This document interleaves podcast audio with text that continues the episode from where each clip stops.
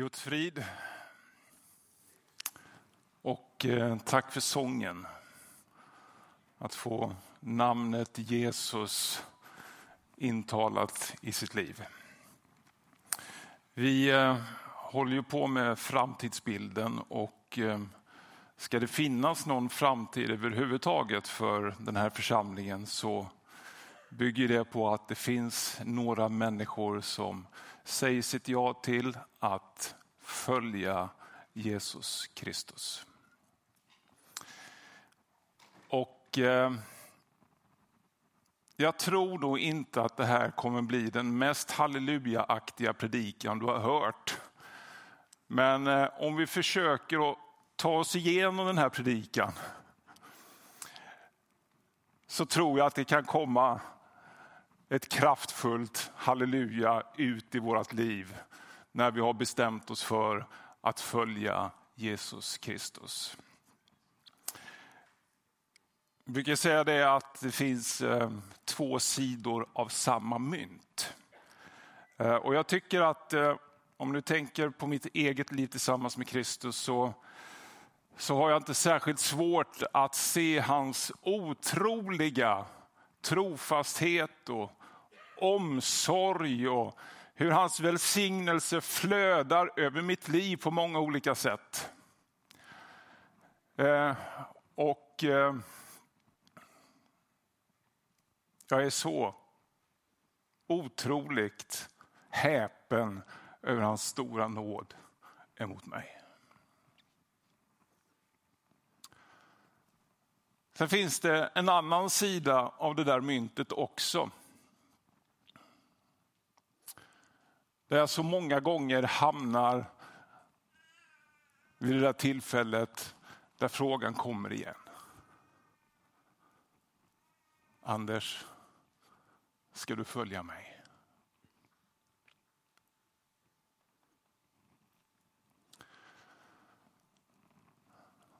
Det finns så många alternativ.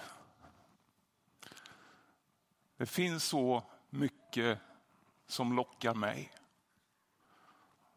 Så den där frågan behöver ställas till mig allt emellanåt. Anders, ska du följa mig?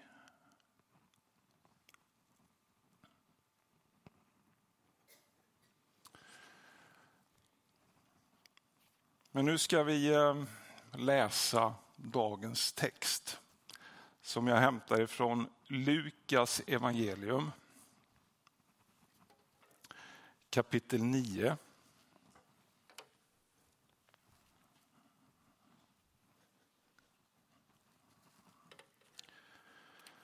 Och ifrån vers 18 till och med 27. Och jag frågar nu inte om du känner för dig om du, eller om du vill det, utan låt oss ställa oss upp i respekt för Guds ord. Och sen när predikanten talar, då går det bra att sitta. En gång när han, när han hade dragit sig undan för att be och lärjungarna var med honom så frågade han dem, vem säger folket att jag är? De svarade, Johannes döparen, men andra säger Elia och andra att, no att någon av de gamla profeterna har uppstått. Och ni, frågade han, vem säger ni att jag är? Petrus svarade, Guds Messias. Han förbjöd dem strängt att tala om det för någon och sa, Människosonen måste lida mycket och bli förkastad av de äldste och översteprästerna och de skriftlärda och bli dödad och bli uppväckt på tredje dagen. Och han sa till alla, om någon vill gå i mina spår så måste han förneka sig själv och varje dag ta sitt kors och följa mig. Ty den som vill rädda sitt liv ska mista det, men den som mister sitt liv för min skull, han ska rädda det.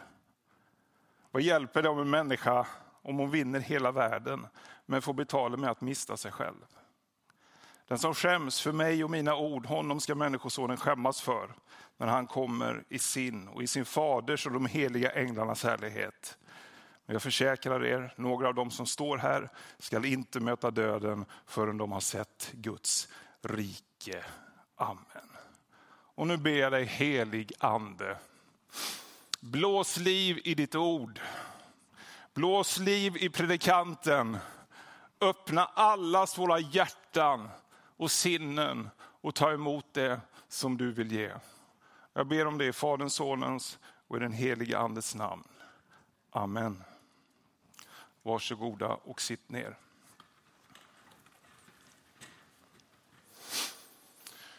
Eh, I evangelierna så berättas det om ett antal personer som får den här uppmaningen av Jesus, följ mig.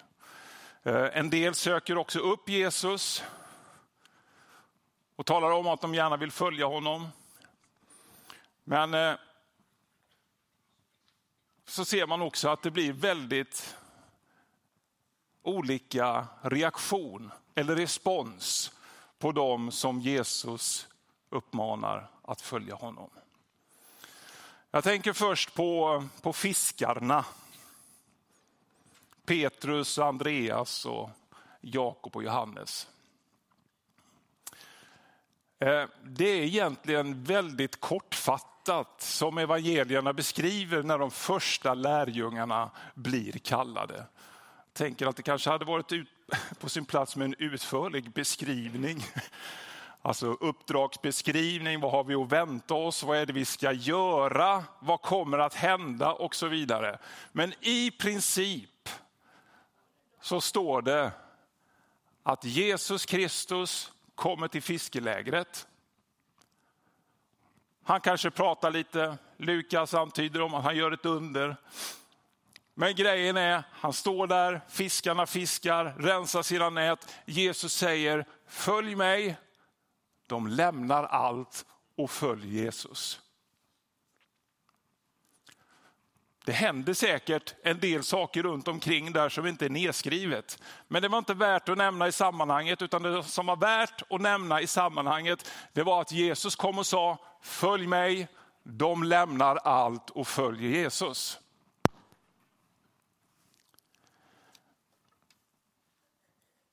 En annan gång är Jesus ute och går också. Och då ser han Matteus sitta utanför tullhuset. De tittar på varann. Jesus säger till Matteus, följ mig. Han reser sig upp och följer Jesus Kristus. Ingen antydan till någon uppsägningstid. Vad gjorde han med kassaskrinet?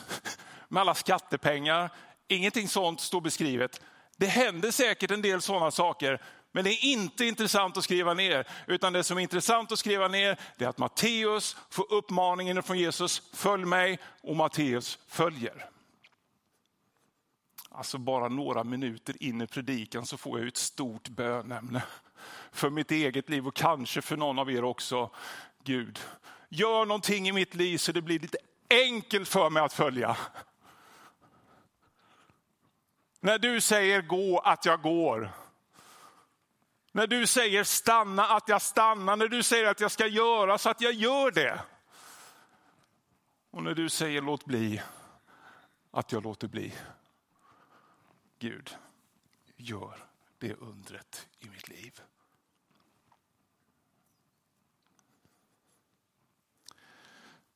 Sen möter Jesus några andra också.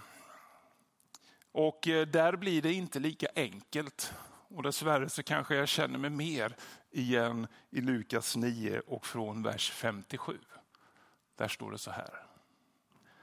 När den kom vandrande på vägen, är det inte intressant att det mesta händer när man vandrar på vägen? Så sa en man till honom, jag ska följa dig vart än du går. Jesus svarade, rävarna har lyor och himmelens fåglar har bon, men människosonen har inget ställe där han kan vila sitt huvud. Till en annan sa han, följ mig. Men mannen svarade, Herre, låt mig först gå och begrava min far. Då sa Jesus, låt de döda begrava sina döda, men gå själv och förkunna Guds rike. En annan man sa, jag ska följa dig Herre, Men låt mig först ta farväl av dem där hemma.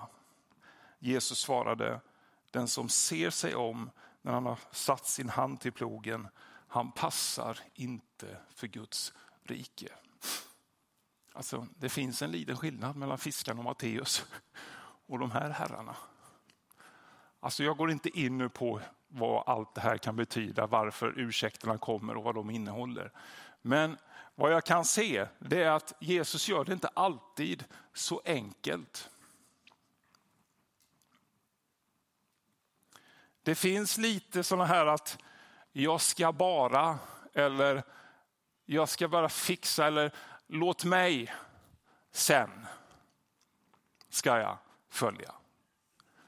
Nu tror jag inte budskapet här att du aldrig ska få vila ditt huvud om du ska följa Jesus och att du inte ska få begrava din far eller eventuellt säga adjö när du ska resa. Jag tror inte att det är det som texten vill säga. Att texten vill säga så här, att som en Jesu lärjunge så finns det en riktning. Det finns en prioritering och det finns en beslutsamhet att följa Jesus Kristus. Jag har ett sånt där riktigt dåligt exempel från mitt eget liv på tal om att följa och tjäna Kristus. Om jag berättar den samtidigt som jag går och hämtar mitt glas vatten här så går det bra. Då var det så här att jag bodde i Kalmar. Jag hade jobbat i församling ett tag. Jag hade slutat och jag hade dragit igång min snickarfirma. Och min fru hade fått ett bra jobb och vi levde lyckliga och glada i våra dagar. Sen får jag en fråga ifrån en församling ifall jag vill komma dit och bli dess pastor. Och det kände jag inte för. Inte alls. Katarina, min fru, hon kände lite mer för det än vad jag gjorde. Men jag kände jag kan inte flytta dit bara för att min fru tycker att det är lite bättre än jag och vara snäll mot en församling. Därför att så mycket har jag varit med i en församling att jag vet att det räcker inte med att vara pastor bara för att man ska vara snäll mot församlingen, utan det behövs en liten starkare övertygelse. Men hur det nu går, så ligger det där och jag tänker på det ibland, men jag känner, nej, vi ska inte flytta. Sen är jag och bygger på ett kapell i Tvärskog utanför Kalmar. Och så gör jag ett ärende in till stan vid lunchtid. Och då passar det bra att äta lunch och jag sitter på en restaurang vid hamnen i Kalmar och äter min mat. Och helt plötsligt så kommer det bara över mig från topp till tå. Du ska tacka ja och du ska flytta och du ska åka och tjäna den församlingen. Alltså i ett enda nu så förvandlas det där. Och jag blev så villig och jag blev så inspirerad och jag blev så glad och jag började lägga upp en plan. Att nu ska jag bara jobba så mycket jag kan de här sex månaderna som ligger framför. Jag ska dra in så mycket pengar jag kan. Jag ska, och jag, sådär.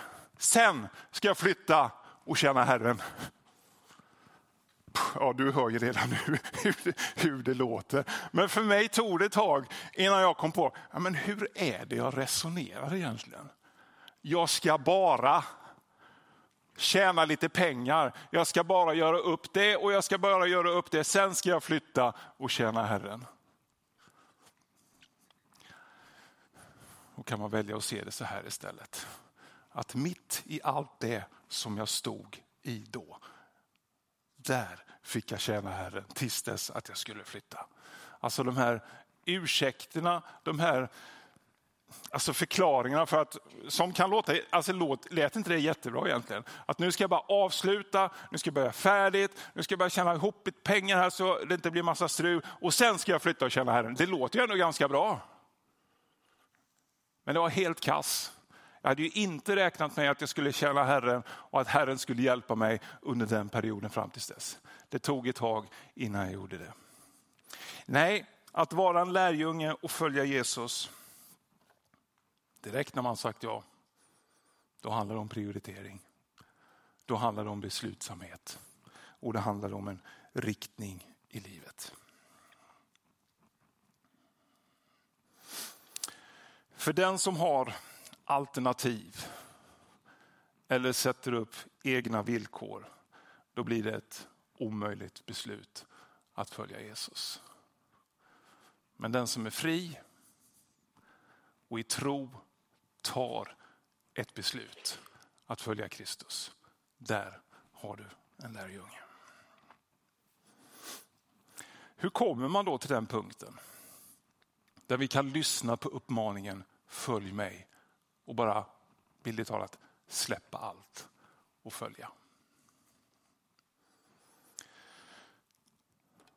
Jag är säker på att en av de stora nycklarna finns i den texten som vi läste här när människosonen eller när Jesus frågar vem folket säger att han är. Och det kommer ju olika rimliga förslag. Om man har lite koll på gamla testamentet och försöker tyda tiden som de gjorde där. Att Elia kanske har kommit för han skulle ju komma. Kanske någon profet har återuppstått, det är väl inte helt omöjligt. Eller Johannes döparen. Men så ställer han frågan, vem säger ni att jag är? Och frågan går ut till oss nu, vem säger du att Jesus är? Och Petrus talar för sig själv, förmodligen för alla. Han säger, du är Guds Messias. Jag tror det är nyckeln. Eller som Johannes döparen säger, när han ser Jesus en dag, där är Guds lamm som tar bort världens synd. Eller som vi blev påminda om förra veckan, att den som tror på mig ska inte gå förlorad utan ha evigt liv. Eller jag är vägen, sanningen och livet. Ingen kommer till mig, ut, ingen kommer till Fadern utom genom mig. Eller som Petrus proklamerar i Apostlagärningarna 4. Inte något annat namn kan rädda oss. Ska det vara värt och sätta allt på spel, då måste det vara för att Jesus Kristus är vårt enda hopp. Jesus Kristus är vårt enda hopp. Och det, det behöver landa i en lärjunges liv. Annars blir resten av resan väldigt svår. När Matteus beskriver det där om när eh, Petrus kallar Jesus för Guds Messias så säger Jesus så här, salig är du Simon Barjona som han heter. För detta har ingen av kött och blod uppenbarat för dig utan Fadern i himmelen. Alltså det måste landa ifrån himmelen själv i ditt liv. Att Jesus Kristus är Guds Messias, frälsaren. Och när du kommer till den bekännelsen, då är det bara så här att i Jesus Kristus så finns allt hopp. Utan honom är det helt kört. Då kan det vara värt att lämna allt och följa Jesus Kristus.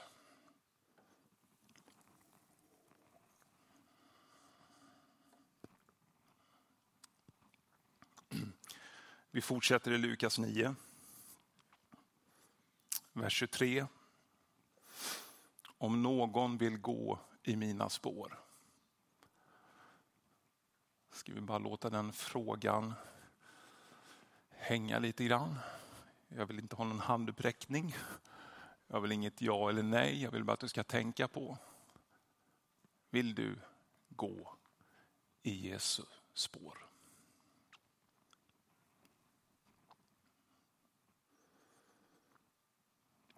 Om det är så, så behöver du förneka dig själv och varje dag ta ditt kors och följa honom. Ja, jag sa det innan. Det blir kanske inte den mest halleluja-betonade predikan du har hört. Att förneka sig själv och ta sitt kors. Hur, hur ska jag förstå det här? egentligen. För det är också två sidor av samma mynt. För jag kan inte tänka mig något mer livsbejakande än att höra till Kristus.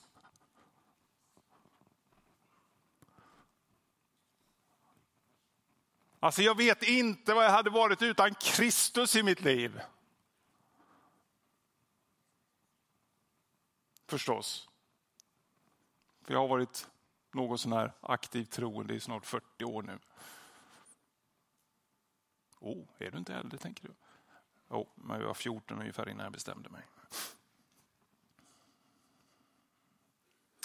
Men vad är det att förneka sig själv och ta sitt kors? Och så som jag har grunnat på detta för att kunna hitta någon bra exemplifiering eller förklaring till detta. Ända tills jag upplevde att den helige ande säger, du kanske skulle kunna ta Jesus som exempel. Så då tänkte jag, ja men då gör jag det. Vad är det att förneka sig själv om vi tittar på Jesus Kristus? Jesus vet hela tiden varför han kommer till den här världen. Han vet hans uppdrag. Han vet att han ska dö, han vet att han ska uppstå, han vet att han ska fara upp till Fadern igen. Han berättar åtminstone tre gånger för sina lärjungar om detta. Jag ska till Jerusalem, som jag läst. De skriftlärda, fariseerna och de äldste ska döda. Ändå, ändå när han befinner sig natten innan han ska dömas så befinner han sig i ett semande trädgård. Och ber inför det han vet han ska göra, han måste göra. Så beskriver evangelierna lite på olika sätt. Men det är ångest. Det är som om han svettas blod.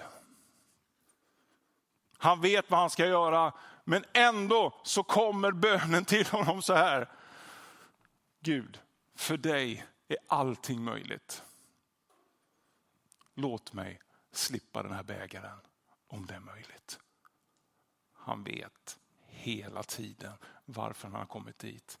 Men när det riktigt, riktigt, riktigt bränner till så ber också Jesus, låt mig slippa. Men att förneka sig själv, det är att fortsätta bönen som Jesus gör. Han säger, men inte min vilja, utan din vilja. Inte min vilja, utan din vilja. Om jag vill följa Jesus Kristus så finns det en högre auktoritet än det som jag själv för tillfället känner för, längtar efter, har lust med eller vill. Nu behöver inte det stå i motsatsförhållande till vad Gud vill göra i ditt liv. Han kan gott och väl verka i din vilja, i din lust och i din längtan förstås. Men när det står på sin spets, då är det inte min vilja utan då är det hans vilja. Låt din vilja ske. Låt ditt rike komma.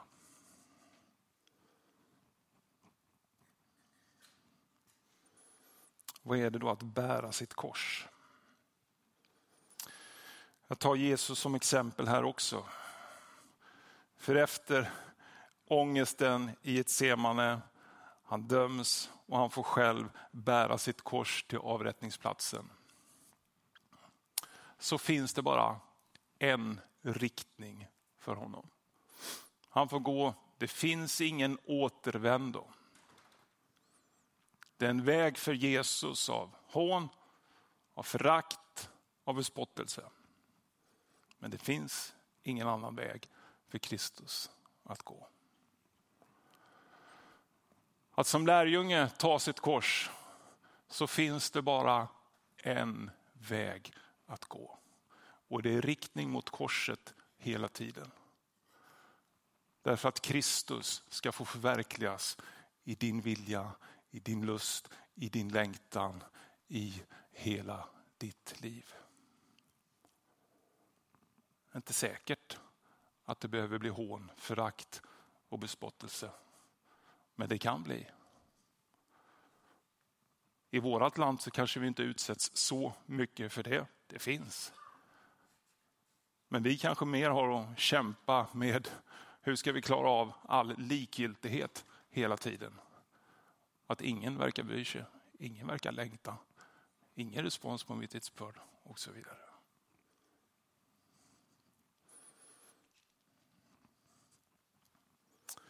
Att bära sitt kors, det att ha tagit en riktning. Det finns ingen annan väg att gå än att förhärliga Kristus med sitt liv. Och beredd på att möta det som behöver mötas.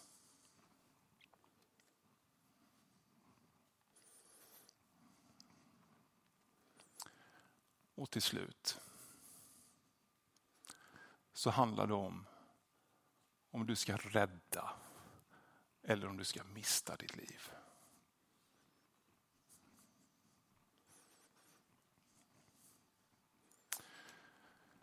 Ja, evangeliet ger inga andra alternativ. Utan till slut handlar det om ifall du ska bekänna Jesus som Guds Messias. Följa honom, whatever it takes. Och då ska du rädda ditt liv. Om det så känns på många ställen att det går att mista om olika saker så kommer du rädda ditt liv. Nu kommer jag tillbaka till den andra sidan av myntet. Jag vill inget hellre. Jag vill inte ha varit med om någonting annat än det som Gud har gjort mig i mitt liv. Möjligtvis kanske lite mera, men jag är så tacksam. Jag är så glad att jag en gång fick på riktigt säga Jesus, jag vill följa dig.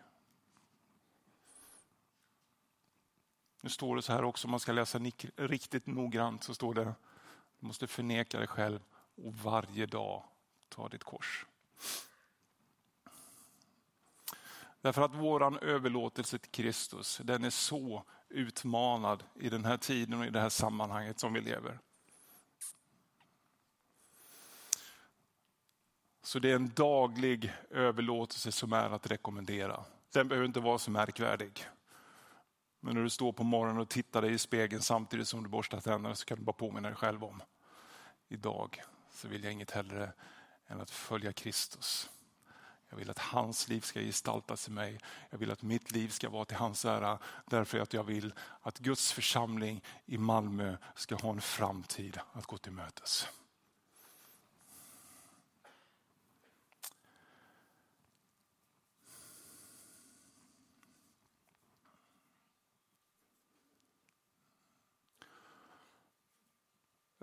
Och jag, skulle vilja säga en sak till som, som är väldigt viktig i detta sammanhanget. Och så avslutar jag med det. Eh, som tror jag kan vara lite enklare för oss att tänka. Därför att, vilket är naturligt, så tänker vi ofta på vår egen förmåga och vad vi kan och inte så sällan på vår oduglighet. Men när det handlar om att följa Kristus så är det först och främst inte du som har bestämt det. Utan det var Jesus som kom till fiskelägret. Han såg på några fiskare och sa följ mig. Alltså det är bestämt från en högre ort. Jesus säger ni har inte utvalt mig utan jag har utvalt er och bestämt er till att gå ut i världen och bära frukt. Frukt som består. Det finns en bestämmelse över ditt liv från en högre ort. Det kan du vila i. Amen. Herre.